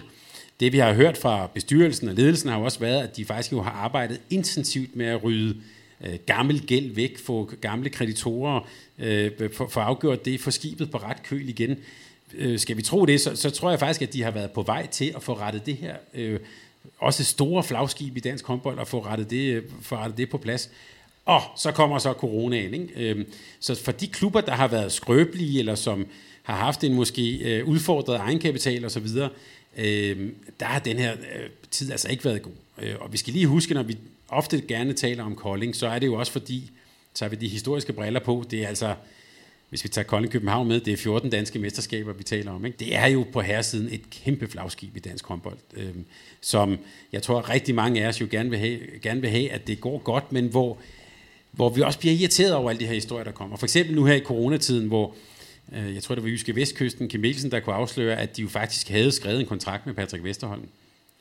Og ja. det blev så ikke til noget. Øh, og det, det, det, det tyder lidt på, at, øh, at der stadigvæk er råd i rådbutikken der. Ja, og skal også øh, skille sig af med Ulf Siversen som øh, cheftræner. Man har forfremmet Andreas Tordal til, øh, til cheftræner, og ja. øh, det har også været lidt under den fane, der hedder, øh, det, var, det var det, vi kunne have råd til. øh, det er i hvert fald den løsning, som, øh, som, som blev udgangen på, på, på det her. Øh, vi ser jo også, øh, den første, det første lam har forladt folden. Øh, Torben Pedersen har skrevet med, hvordan udtaler man det der? Øh, Istri måske, øh, ja. En fransk klub. yes, Torben Pedersen, øh, ja, fra, det blev så fra Aarhus til, øh, til, til, ja. til Frankrig. Han når faktisk ikke at, øh, at indlede sin kontraktperiode med, øh, med, med, med KIF. Nej, og man kan sige, uanset hvordan det ender, om det ender med, at klubben går, øh, går under, eller fortsætter, eller sådan noget, så den satsning, som man ellers havde set frem til, den, den ser så ud til i hvert fald at blive skudt lidt længere ud. Så den sæson, de går ind i, bliver måske en, der kommer til at ligne den sæson, de, vi lige har forladt her, hvor det bliver lidt en kamp med kniven på struben, og det er jo ærgerligt. Synes jo også, at man begynder, at hvis man, altså hvis man, hvis man overhovedet øh, synes, at det er en øh, valid kilde, det er i hvert fald en valid kilde til, til underholdning, men øh, den berømte Europamester-chat, hvor, øh, hvor løse rygter øh, florerer vildere end øh, unge mennesker på Islands Brygge, øh, så, øh, så kan man jo godt se, at der bliver kastet en del øh, navne i puljen, og øh, de østeuropæiske klubber, som øh, vel et eller andet sted døjer lige så meget med økonomien, som, øh, som de danske, med, de øh, står, står klar med, med høtyven, og øh, er klar til at øh, plukke de, de danske øh, spillere, eller spiller fra, fra den danske liga, hvis, øh, hvis der er nogle, nogle klubber, der sådan skulle øh, få behov for at lette på, øh, på budgettet. Har i hvert fald set nogle, nogle prominente navne. Det vil, det vil jeg simpelthen ikke, øh, jeg vil ikke bringe mm. konkrete navne i spillet. Det må man altså selv gå ind og, og fornøje sig med. Men øh, det er jo, hvad er det man siger, der, der opstår sjældent røg, uden der er bål et eller andet sted. Så øh, prognosen herfra er jo også, at det øh, ja, at, at billedet kan godt blive en, en sæson eller to, hvor øh, at de danske håndboldligaer bliver måske et my mere øh, profilfattigt, end vi har været vant til. Ja, eller, eller, eller, eller at der måske den sådan jævnbyrdighed, vi har set, måske bliver bliver ændret til, at der er nogle klubber, nu tænker jeg sådan, vi kan tænke på, på, øh, på Aalborg, der kvalificeret sig til, til, til Champions League, har angiveligt en god økonomi og så videre, rigtig godt fat i det op. De kan måske få et yderligere forspring i forhold til nogle af, de, øh, nogle af deres øh, konkurrenter. Så jeg tror, vi, vi, øh, vi, vi kan se frem til nogle sæsoner, hvor et, øh, ja, man kan sige, et spændende transfermarked, øh, hvor, og hvor dem der, dem, der formår faktisk at agere øh, på det, måske får en yderligere fordel. Så det har ikke gjort håndboldverdenen øh, mere kedsommelig, vil jeg sige. Den er faktisk blevet mere spændende. Der er helt klart mange interessante øh, perspektiver i, øh, i det. Men Thomas, vi begynder jo også at uh, se uh, andre konsekvenser af coronaen her, og det er jo så med det uh, klub-europæiske perspektiv her. Uh, og det seneste har været i den sag, at København håndbold og Silkeborg Vol, to uh, kvindeliga-klubber, de skulle ikke bede om en plads i Europa. Uh, og det har jo længe været en, øh, en offentlig kendt ting, at det er jo en notorisk underskudsforretning at deltage i, i alle andre europæiske turneringer end lige øh, Champions League. Øh, og man kan sige, nu har det europæiske håndboldforbund jo en gang for alle sørget for at underminere alle former for økonomisk perspektiv for klubberne ved at deltage i ja, det nye European League, og det har jo også ja, efterhånden skiftet navn nogle gange. Det hed Women's League i et par år. Det var hands down ikke engang klar over. Der er langt færre eksponeringsmuligheder for klubbens sponsorer nu, fordi at EHF selv har sat sig på øh, bande- og guldreklamer. Det bliver faktisk yderligere en udgift, fordi at der nu skal leveres ekstra LED bander til øh, de her reklamer, som altså kun til gode kommer det øh, europæiske håndboldforbund. Så der er jo nærmest kun øh, klappevisterne tilbage, øh, som øh, klubbens sponsorer kan få sit logo på, og dermed eksponering på. Så kan man jo selv øh, vurdere, hvad der ligger af værdi i, øh, i det. Og det var altså mere end hvad, hvad København håndbold og Silkeborg Vol, de ønskede at, øh, at se frem til. Og øh, så er det jo næsten, øh, det er blevet sådan en, en, en budrunde nærmest, ikke? Eller det ja, er blevet sådan ja. en, øh, Nå, har du lyst, har du lyst? Øh, og øh, vi er jo altså øh, kommet i den situation, hvor vi skulle helt ned til øh, HTH-ligaens 9. plads, før der var nogen, der sagde ja til den sidste plads. Og øh, det er øh, Nykøbing Falster, som jo ellers aldrig går af vejen for at øh, snuppe brødet i den ene stød, den anden brød. Så de har takket ja mm. til en plads i Europa. Så det, vil sige, det 9.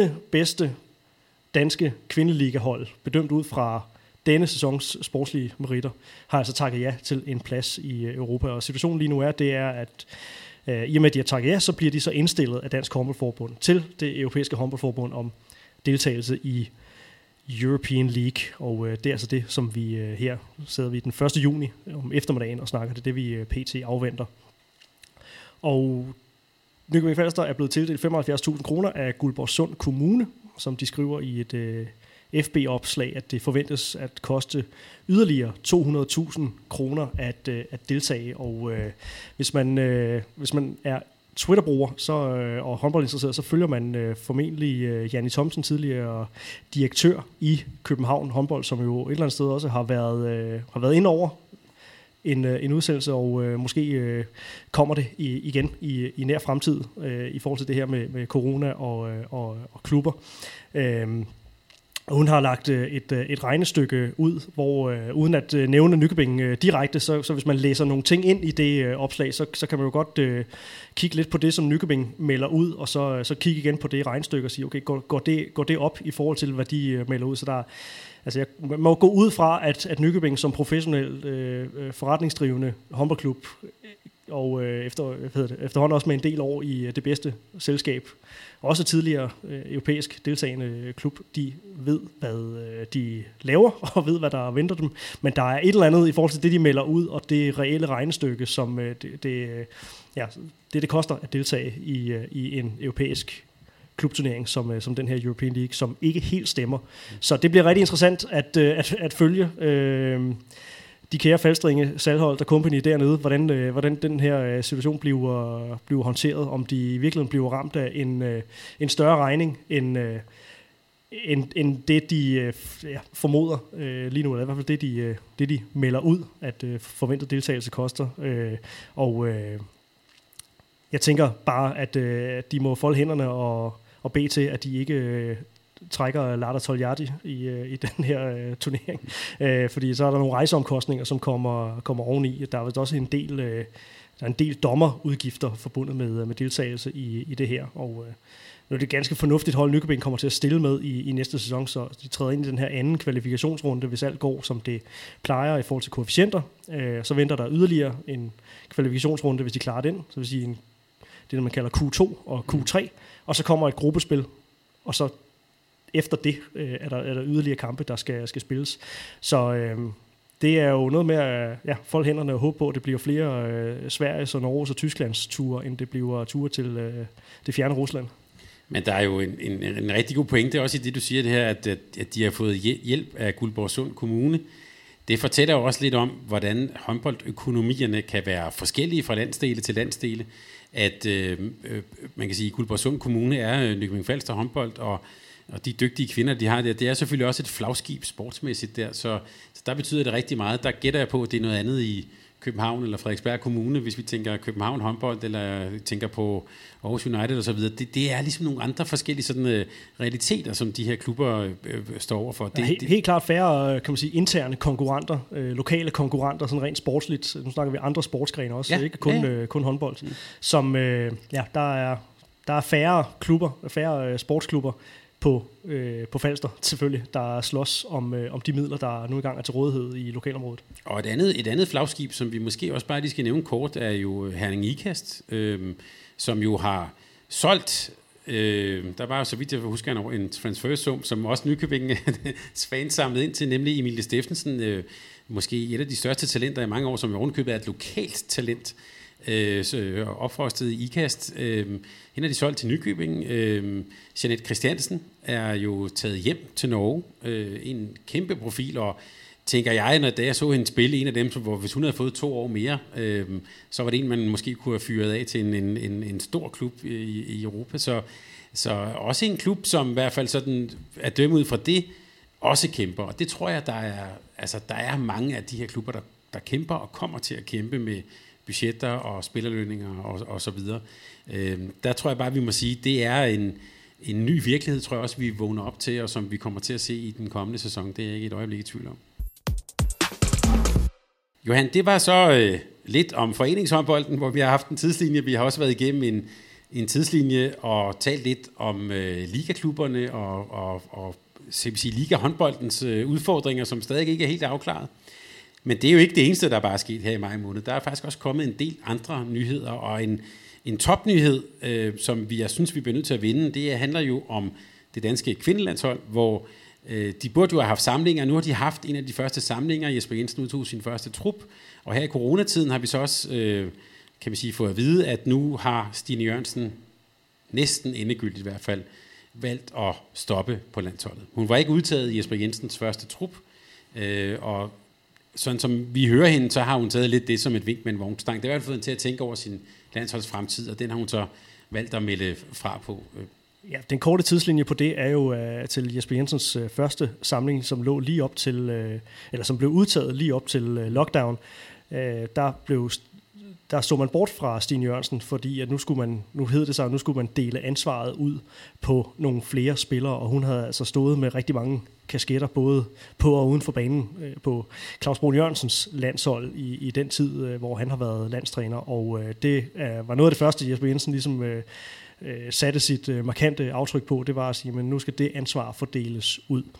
Det kommenterede Stine Jørgensen jo så også på og sagde, at det var ikke en beslutning, hun var enig i på det her tidspunkt. Og nu er der også gået noget tid, og som siger, nu, nu kan nu kan, nu kan vi så samle landsholdsspillerne igen til sådan en, ja, det bliver en frivillig landsholdssamling, og man skal jo ikke lade sig snyde af den liste, der er øh, offentliggjort, at det er de spillere, der er blevet indkaldt, men det er ikke en selvfølge, at alle de 23 navne, der står på den liste, deltager. Der er i hvert fald nogle af de øh, udlandsprofessionelle spillere, som ikke er, er garanteret deltagelse. Jeg tror, der er noget omkring øh, forsikring og sådan noget i den forbindelse, som, øh, som ikke helt er på plads. Så, øh, men det er de 23 spillere, der er indkaldt, og der, der øh, melder man altså ud, at, øh, at, at Stine Jørgensen hun har valgt at tage en pause, og det er klart, det bliver så fuldt op på fra flere mediers side, og det kommer så øh, frem, at, øh, at, at Stine Jørgensen selv har Øh, ja, hun siger, at hun har brugt den her coronaperiode til at tænke over sin tid på landsholdet, og at hun ikke har energi til, til det mere.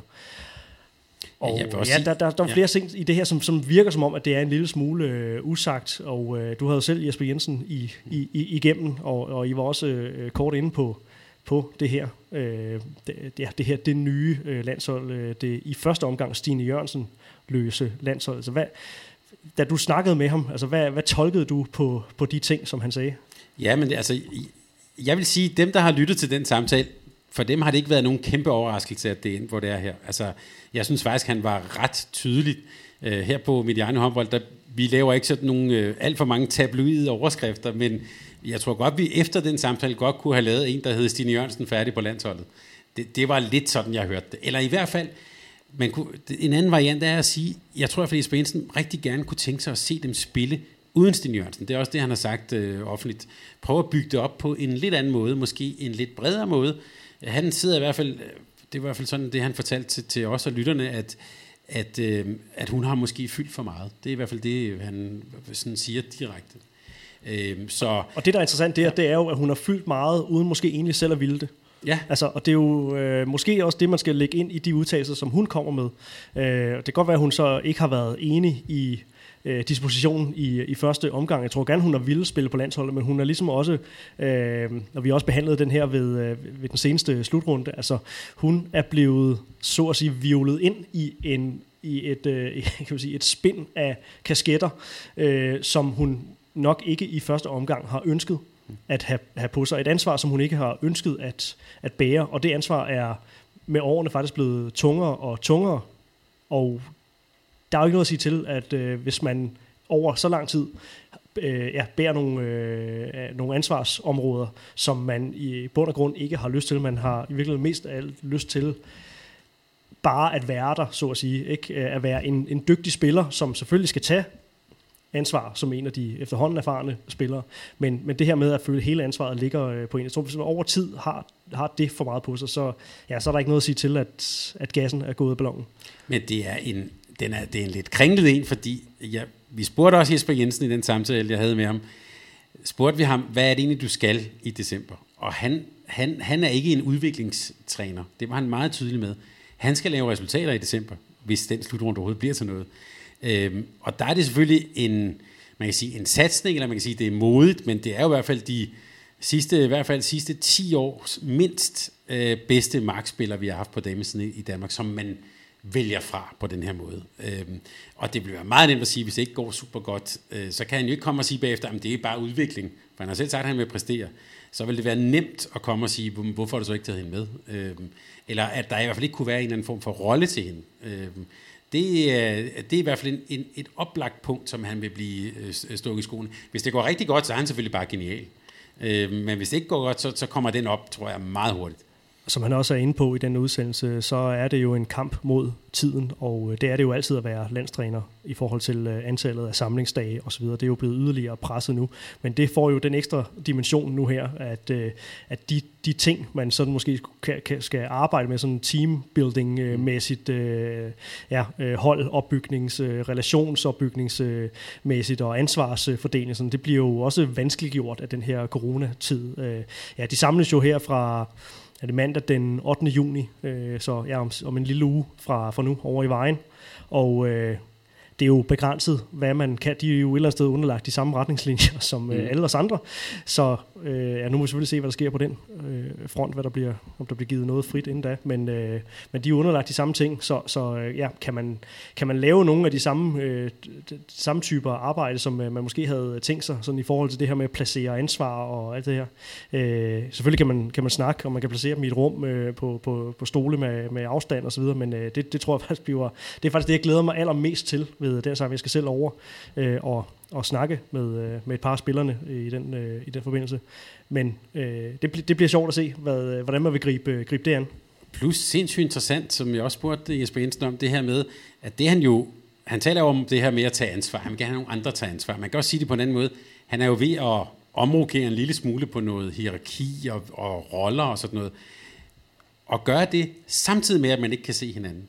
Det er altså virkelig en øvelse, som han også sagde, jamen, det får vi jo se, hvordan det går. Så det er, det er modigt. Altså man kan sige, han havde jo sat det i gang inden coronaen, så kommer coronaen, så måske havde det været nemmere, hvis, hvis, hvis alt det her ikke var kommet op. På den anden side kan man sige, hvis det er noget, vi vil, så kan man lige så godt uh, tage plasteret af i et hug, og så, altså, og så tage den derfra. Og måske kan det her selvfølgelig også være noget, der bringer de tilbageværende spillere tættere sammen. Øhm, men det er i hvert fald en, modig og spændende beslutning, som er blevet taget. En anden landstrænerpost, som også er, som der også er blevet skiftet ud på, det er herrenes øh, U18-landshold. Og det er jo altså det her, der er lidt sjovt med, øh, med, med landshold, som altid kører øh, sådan lidt, lidt, lidt skævt af kan man sige, nationale strukturer og sådan noget. Nu hedder det U17 og U19, men vi har altså et, et U18-landshold, og det er tidligere FCK, AG København og Aalborg håndboldspiller Arne Atlasson blevet ny landstræner for, en ny herre U18 landstræner for. Og nu øh, venter vi lidt den her øh, øh, snakken i øh, krone, eller faktisk ikke øh, kun i krone, øh, gennem pressen, øh, problemstilling, som, øh, som der opstod, øh, som vi også ja, kaldte på forhånd, da, da, kvinde, da kvindelandsholdet skulle have øh, have ny A-landstræner. Øh, og der er lidt den samme øh, tendens, synes jeg, øh, hos, hos ungdomstrænere og ungdomsherretrænere, når, når sådan nogle poster her skal besiddes, at hvis det ikke er en af de her såkaldte egne egenavls øh, talenttrænere, så opstår den samme snak lidt. Det er jo klart, det er ikke samme øh, målstok, fordi at, at det er ikke ikke på samme måde sådan, øh, ja, store ligatræner-navne, der er ude og, og, og råbe om kap. Men, øh, men den er der lidt. Altså den her, hvorfor er det ikke en af vores egne? Og der render så mange glimrende trænere rundt i vores eget talentsystem. Øh, og, og altså, det er sådan lidt den, den sang, den har været der før, og, øh, og den kom, den blussede også lidt op igen her ved, øh, ved ansættelsen af, af Arne Adlerson. Og øh, jeg, øh, jeg sidder ikke i DHF, så jeg, jeg skal ikke kunne sige, hvad, øh, hvad, hvad de vurderer, øh, og øh, hvad de har vurderet af kriterier øh, og til, øh, til den jobprofil, de har, har søgt her. Øh, jeg kan konstatere, at Arne Ederson, han er jo en mand, der jo faktisk er gået meget under radaren, men som har været en del af den, den den danske håndboldliga og toppen af den danske håndboldliga i, øh, i tæt på, på 15 år på nuværende tidspunkt, og øh, udefra set et super spændende valg til en øh, type post som sådan en, en U18-landstrænerpost. Jeg vil også sige, udefra set et fantastisk spændende trænerpar, faktisk. Arno Adlerson og Simon Dahl er der jo stadigvæk. Øhm, og, og, så det vil jeg sige, det er jo en tidligere topspiller og en ung træner, der i den grad er på vej frem, som, som man parer her. Det synes jeg er et meget, meget spændende match. Øh, men den her diskussion, du, øh, du refererer til, den taler jo lidt ind i noget, det er lidt ligesom et emne, vi har berørt det sidste halve år, også her på Miliano håndbold, det her med, en dygtig træner? Skal man øh, have været tidligere topspiller for at blive være en meget, meget dygtig træner?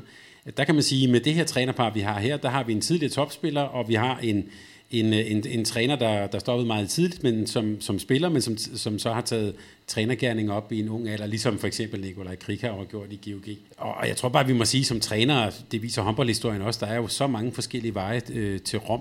Jeg kan da godt forstå, vi, vi vil jo meget gerne have øh, uddannelse og så videre, men jeg synes, det her par her, synes jeg virker meget, meget spændende, og de, konstruktionen er jo, når man er U18-landstræner, de får så lov at følge en, en overgang hele vejen igennem.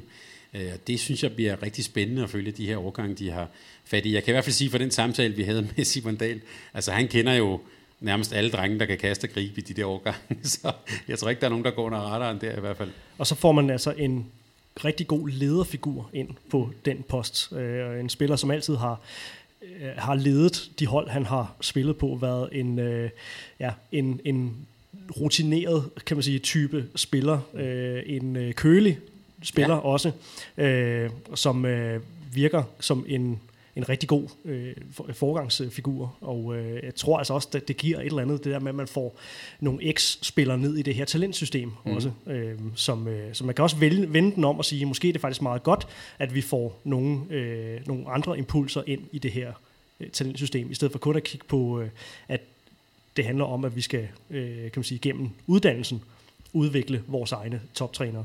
Jeg kan i hvert fald godt lide tanken om, at vi har den, der, den her blanding her. Det synes jeg faktisk er rigtig, rigtig godt set. Øh, og nu vi er ved, ved tidligere topspillere, Johan, så, øh, så kan vi godt bevæge den fra topspillere og OL til deciderede legender, vi lige skal, vi lige skal nå at vinde. Øh, ingen Strang Ladegaard uden Legends. Nej, og egentlig, jeg vil næsten sige, efterhånden er det også ingen Strang Ladegaard uden Magnus Wislander. Klar. han fyldte også lidt sidst. Slangen. Øh, slangen, lige præcis. Øh, vores øh, svenske slange og postbud fra, fra Red Bears han har jo simpelthen benyttet den her corona-pause til at sige farvel til Red Bears efter 29 år. Han er jo øh, som spiller udmærket han så ved. Han har kun spillet i to klubber, nemlig Red Baslit og Kiel. Øh, men han har øh, brugt den her pause til at tænke over, at han faktisk åbenbart er ret uenig med øh, cheftræner øh, Jasmin Tuta, som vi også har nævnt der. Øh, så, øh, så han har sagt farvel, men han har sagt, at det ikke er farvel til håndbolden.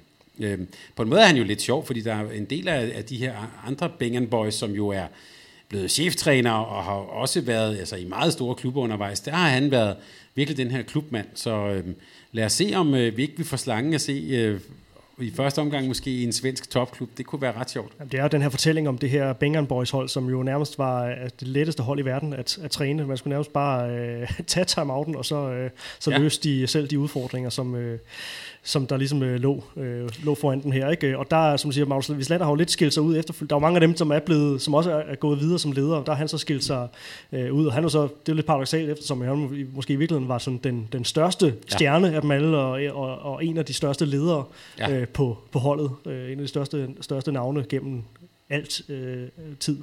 Så ja, øh, interessant øh, karrierevej, han også har taget sig efter, han har siddet ja, Jeg kan så også lige, nu, vil, nu skal det ikke blive en Bacon Boys alt for meget, men jeg kan også, også lytte mig til, at det er jo også en generation, der fylder rigtig meget i svensk håndbold stadigvæk. Altså, at det, og de har også lidt et Bang Boys netværk, ved jeg, man taler om. Sådan.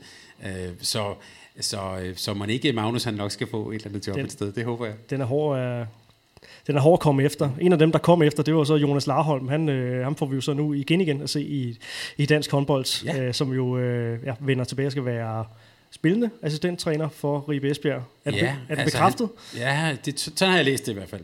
Altså han var jo, øh, har jo været også i CVH og gjort det godt der, og så var de på en eller anden sommertur.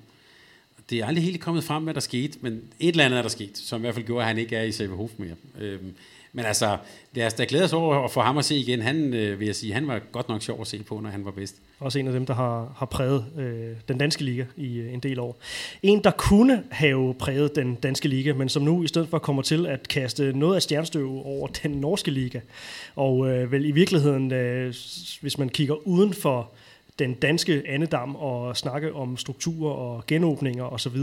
Den største håndboldnyhed i en ellers ja. øh, håndboldløs tid. Lyk Abalo skal tørne ud for Elverum. Hvor jeg sådan tænker, øh, ja, er der nogen, der har fortalt ham om klimaet? Altså, altså ved han, hvad det er, han har signet op til? At det er ikke, det er ikke Katar eller øh, altså en, en, en nabostat til øh, Emiraterne eller et eller andet. Der, jeg kom til at tænke på den der øh, øh, tv-serie, der hedder Lillehammer, med sådan en... Øh, en, øh, en amerikansk gangster, der tager til Lillehammer og, og oplever, hvor mørkt og koldt der i virkeligheden er øh, på, på, på de kanter. Der må vi bare sige, det er jo århundredes transfer, vi, er, vi, har, været, vi har været øh, øh, vidner til her. Øhm, det bliver utrolig sjovt at se, og jeg ved, om nogle af de norske dommer også er i gang til at se lidt video, hvornår han er nede i feltet, hvad han afslutter osv. Jeg så faktisk helt tilfældigt, så jeg noget klip øh, med Lykke Abalo nogle af de tidligere kampe. Altså, jeg vil bare sige, da han var bedst, øh, hold op, hvor var han bare seværdig. Altså, der, der, der taler vi virkelig om legender, og, og dem, der skal spille sammen med ham, blandt andet Rasmus Bøjsen i, i Hjælperum, og, og øh, og se ham deroppe. Øh, jeg håber, de får virkelig en oplevelse. Og det skal jo retfærdigvis øh, siges, uden øh, overhovedet at gøre ham til en, øh, en, en fuldstændig udulig spiller, så en spiller, der i hvert fald har måske sine bedste år bag sig, men øh, stadigvæk en øh, absolut kapabel spiller. Men sådan på, hvis man vender den øh, rundt, så skal man heller ikke tro, at, at det bare bliver ren leg i den, den norske liga. Altså dem der, det kan godt høre på nogle af, af de unge knægte, jeg har med at gøre til daglig, så, så skal han bare op og lege, og han skal spille bak og alt det her. Så tror jeg lidt, man undervurderer, hvad den norske liga er for en størrelse. Hvis man kigger på, øh, på kan man sige, hvad det norske herrelandshold er ved at udvikle sig til, så øh, kan man sige, de øh, de spillere, de stammer jo, kan man sige, et, et, et sted fra, altså, og den norske, jeg vil lige vil sige, Tippeligaen, øh, men øh, den bedste norske række er, er absolut øh, kapabel, og lige præcis Elverum er jo øh, en Champions League-klub, ikke? Så, så vi får ham jo stadigvæk at se i, øh, kan man sige, på den, øh, på den store scene, men øh, det bliver sammen med en hel del øh, ja, andre typer spillere, end, end han har rent og, og arbejdet ved siden af i løbet af de seneste ja, det, mange år. Det gør det, men øh, helt enig, Elverum, jeg så faktisk et par af deres Champions League-kampe i, i den forgangne sæson, eller det, det som ikke noget at blive afsluttet her. Uh, Elverum, de kan altså godt spille håndbold, og de har en rigtig, rigtig, rigtig god hjemmebane deroppe, som jeg tror, han vil blive rigtig glad for at spille på. Så kan det godt være, at der er nogle af de der udkampe, så kan det være, at han skal kigge lidt på, men, men må ikke, øh, må ikke der bliver en rigtig god plads til ham også i nogle af de der tætte kampe. Der, der er han jo en fantastisk forstærkning. Øhm, så et hold og en klub, vi kommer til at holde øje med. Og så kommer jeg sådan til at tænke øh, på øh, en, en gammel jubelscene fra en af mine øh, all-time fodbold Didier Drogba, gamle Chelsea-angriber, så, øh, som var op i... Øh, i Rosenborg med, med Chelsea og spille på et uh, tidspunkt, og der, øh, der scorer han så, og så laver han så sådan en, uh, ja, han armene over kors, og så uh, tager sig på, uh, på, på armene, sådan skutter sig i uh, kulden, og uh, jeg har et brændende ønske om det, uh, den transfer her, det er, at vi får Lykke Abalo at se, uh, han kører den ved samtlige scoringer i den, den første kamp, han kommer til at spille i den, den hvide trøje. Rasmus Bøjsen, make it happen, det, det skal ske.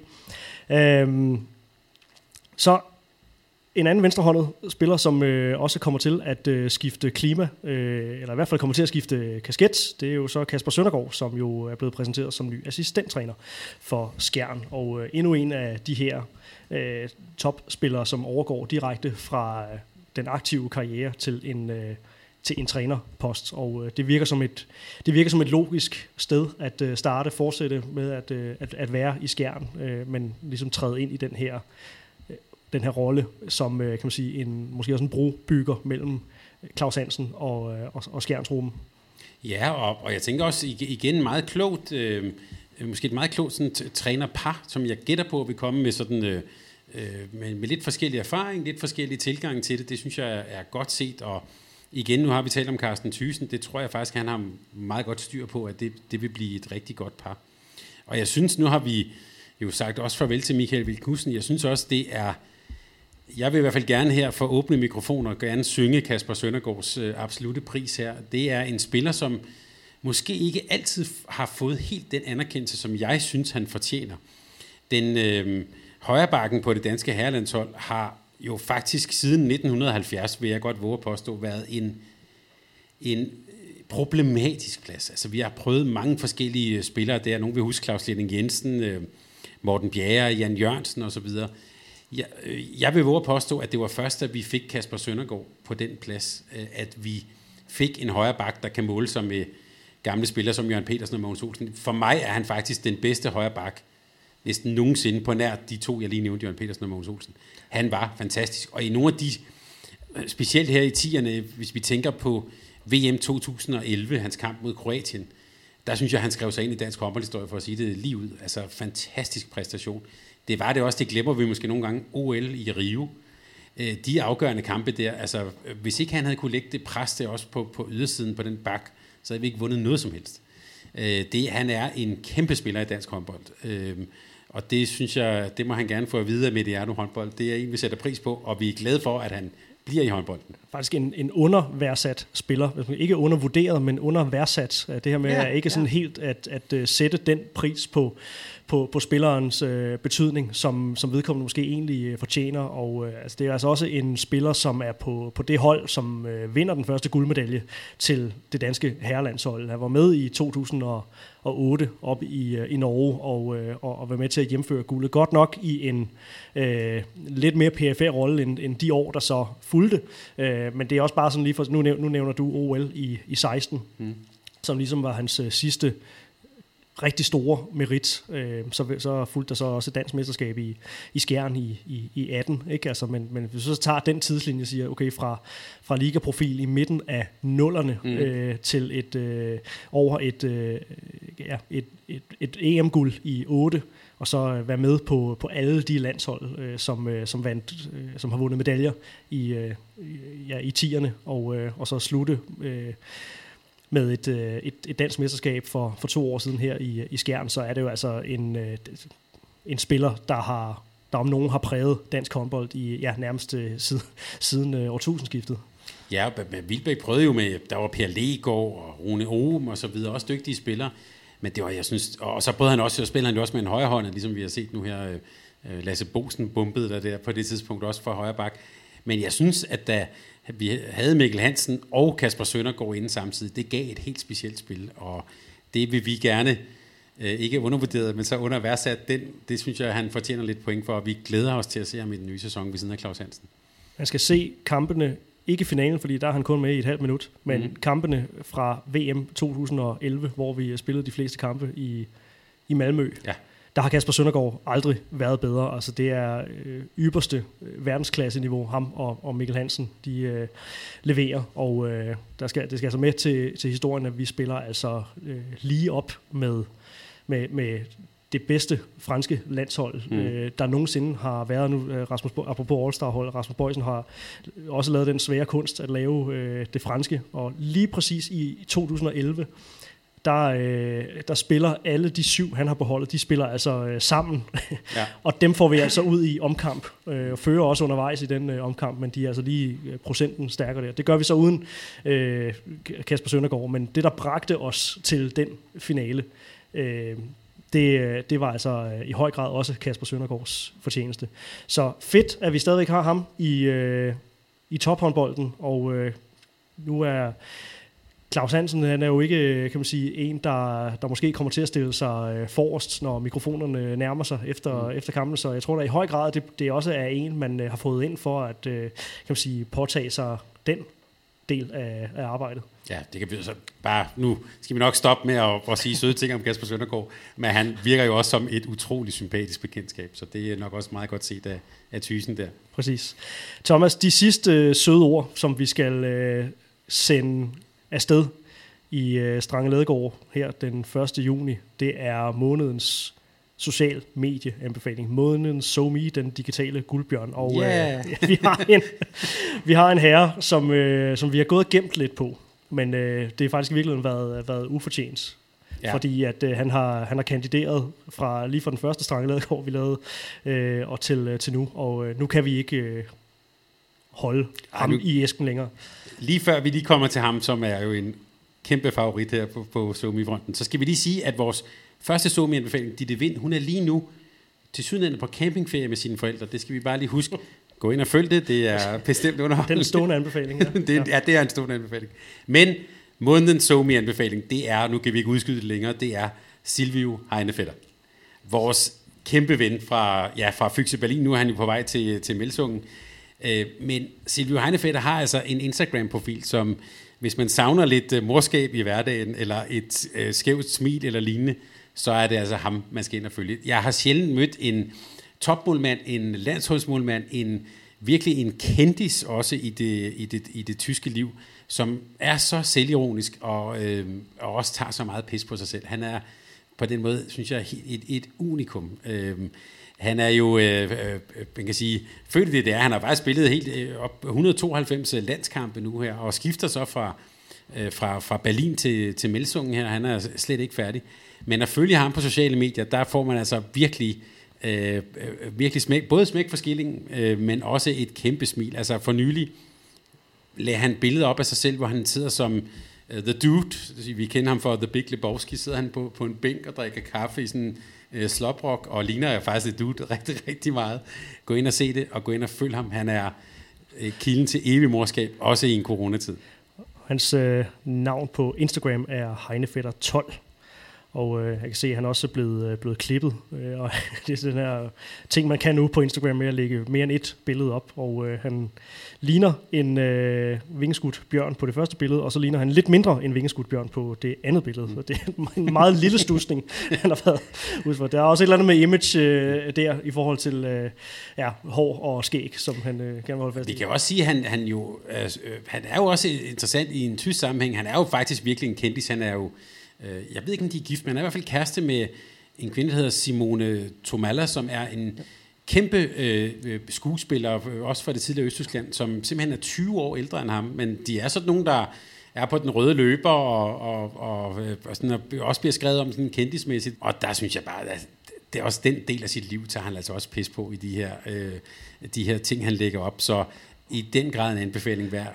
Hvis vi taler den internationale håndboldverden, jeg kan ikke se, at der er nogen ligesom ham, som har det der glimt i øjet, som øh, Heinefetter øh, har på sociale medier. Hun er opvokset i Potsdam, min yndlingsdel af Berlin, så fik vi det med os. Men øh, ja, Heinefetter 12 på, ja, det er primært Instagram, man skal, man skal følge ham. Ja, ja. Yes. og man kan også sige, måske også bare et eksempel på en person, der ikke har så meget bevis, at han har det der overskud, som, øh, og, og også godt måske kender sit værd. Så øh, ind og se ham, det er, det er rigtig, rigtig sjovt. Og så håber jeg også, at vi får set ham på håndboldbanen. Vi kan også sige, underholdelsesværdien ved at se ham stå på mål er jo også helt enorm. Helt klart en af dem, man også vil komme til at øh, savne, når han engang stiller skoene på hylden. Thomas, det var øh, det månedlige øh, nyhedsoverblik. Vi valgte at prioritere det sådan, at det blev ren gennemgang af måneden, der gik, fordi at der er sket så meget, og det er jo i den glædelige retning. Det meste, i hvert fald især hvis man kigger med det her sådan foreningsperspektiv, at vi nu øh, igen kan øh, begynde at samles ude i øh, klubberne og, øh, og så småt få startet op på, på noget, der minder om, øh, om håndbold og få gang i, i de jul. Så derfor ingen øh, hverken All-Star-hold eller, eller hovedtemaer øh, som sådan i øh, den her øh, udsendelse. Men øh, i hvert fald en øh, indgang nu her til en øh, juni måned, hvor der forhåbentlig bliver sat yderligere skub i, øh, udendørs aktivitetslivet i, i, i Danmark. Og øh, jeg ved du også, du har sådan et, et, øh, en kæphest i forhold til, at øh, de her... Øh, de her håndboldpauser, man så normalt tager sig i, i juli måned, at det kan godt være, at, øh, at en af løsningerne nu her er jo, at man skal prøve at kigge, kigge ud over det. Altså, man ikke øh, man må godt måske lave noget i de her sådan overenskomstmæssige skolesommerferier og, og faktisk lave noget foreningsarbejde der, fordi man jo faktisk har, har lidt, man skal have, have indhentet. Nu øh, kan man sige, feriemulighederne er jo, er jo lidt begrænset øh, stadigvæk. Ja, altså igen, tag det som en mulighed. Altså der er jo øh, formentlig rigtig mange øh, børn og forældre, der har fået aflyst måske deres ferie. Øhm, der er måske også nogle forældre, der har fået øh, inddraget noget ferie og sådan noget. Så, så jeg tænker, det kunne være en opfordring til mange trænere, i stedet for at sende børnene hjem med et eller andet dødssygt øh, hotelprogram, hvor de skal lave tricepsøvelser på en hotelstol, så kunne det godt være, at... Øh, at vi skulle mødes lidt, og øh, det kunne også bare være, at vi øh, spillede lidt beachhåndbold, eller lavede lidt på stranden og gik ud og bade sammen, eller et eller andet. Øh, igen, tænk det her lidt på, på en ny måde, og måske også bruge det som, øh, som en mulighed til at få kittet, øh, øh kittet de børn og unge, få kittet holdene sammen. Det kunne også være på, på divisionsniveau, øh, og få lavet lidt her over sommeren, så vi er klar til at ryge afsted som en raket, men øh, uanset hvad her, det er, vi, vi er på vej, som vi har talt om mange gange. Dansk håndbold er på vej, heldigvis. Der ligger store udfordringer forude, men, øh, men vi er på vej, og vi skal passe, stadigvæk blive ved med at passe godt på hinanden i den her tid. Det skal vi, men lyset er tændt, og det er lysere nu, end det var, da vi snakkede sammen for en måned siden. Det her var Strange og Ladegaard. Tak for øh, nu, Thomas. Vi øh, talte jo ved, både i næste omgang af Strange Ladegaard, men øh, der kommer også i løbet af den her normale off-season tid til at være noget af det her historiske perspektiv, som øh, vi senest tog fat på med øh, dobbeltudsendelsen om øh, Talant Dushibayev. Så der øh, er noget at glæde sig til, og vi har stadigvæk interessante samtaler i pipeline for den øh, kommende tid. Så husk at abonnere på Mediano Håndbolds, og så du altid får, får besked, når vi er ude med noget nyt, og ellers øh, husk os på de øh, diverse sociale platforme og følg os der.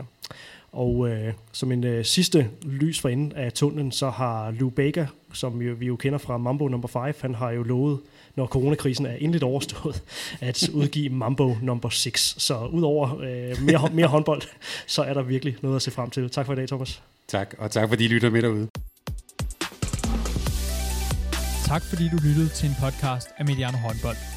Hvis du kunne lide udsendelsen, så husk at abonnere på Mediano Håndbold, der hvor du hører podcasts. Så får du den seneste udsendelse serveret direkte til dig. Du må gerne fortælle dine venner om os, og husk at følge os på Facebook, Twitter og Instagram. Mediano Håndbold kan lade sig gøre, takket være Sparkassen Kronjylland. Vi har gået hånd i hånd siden foråret 2018, og de er med os hele 2020.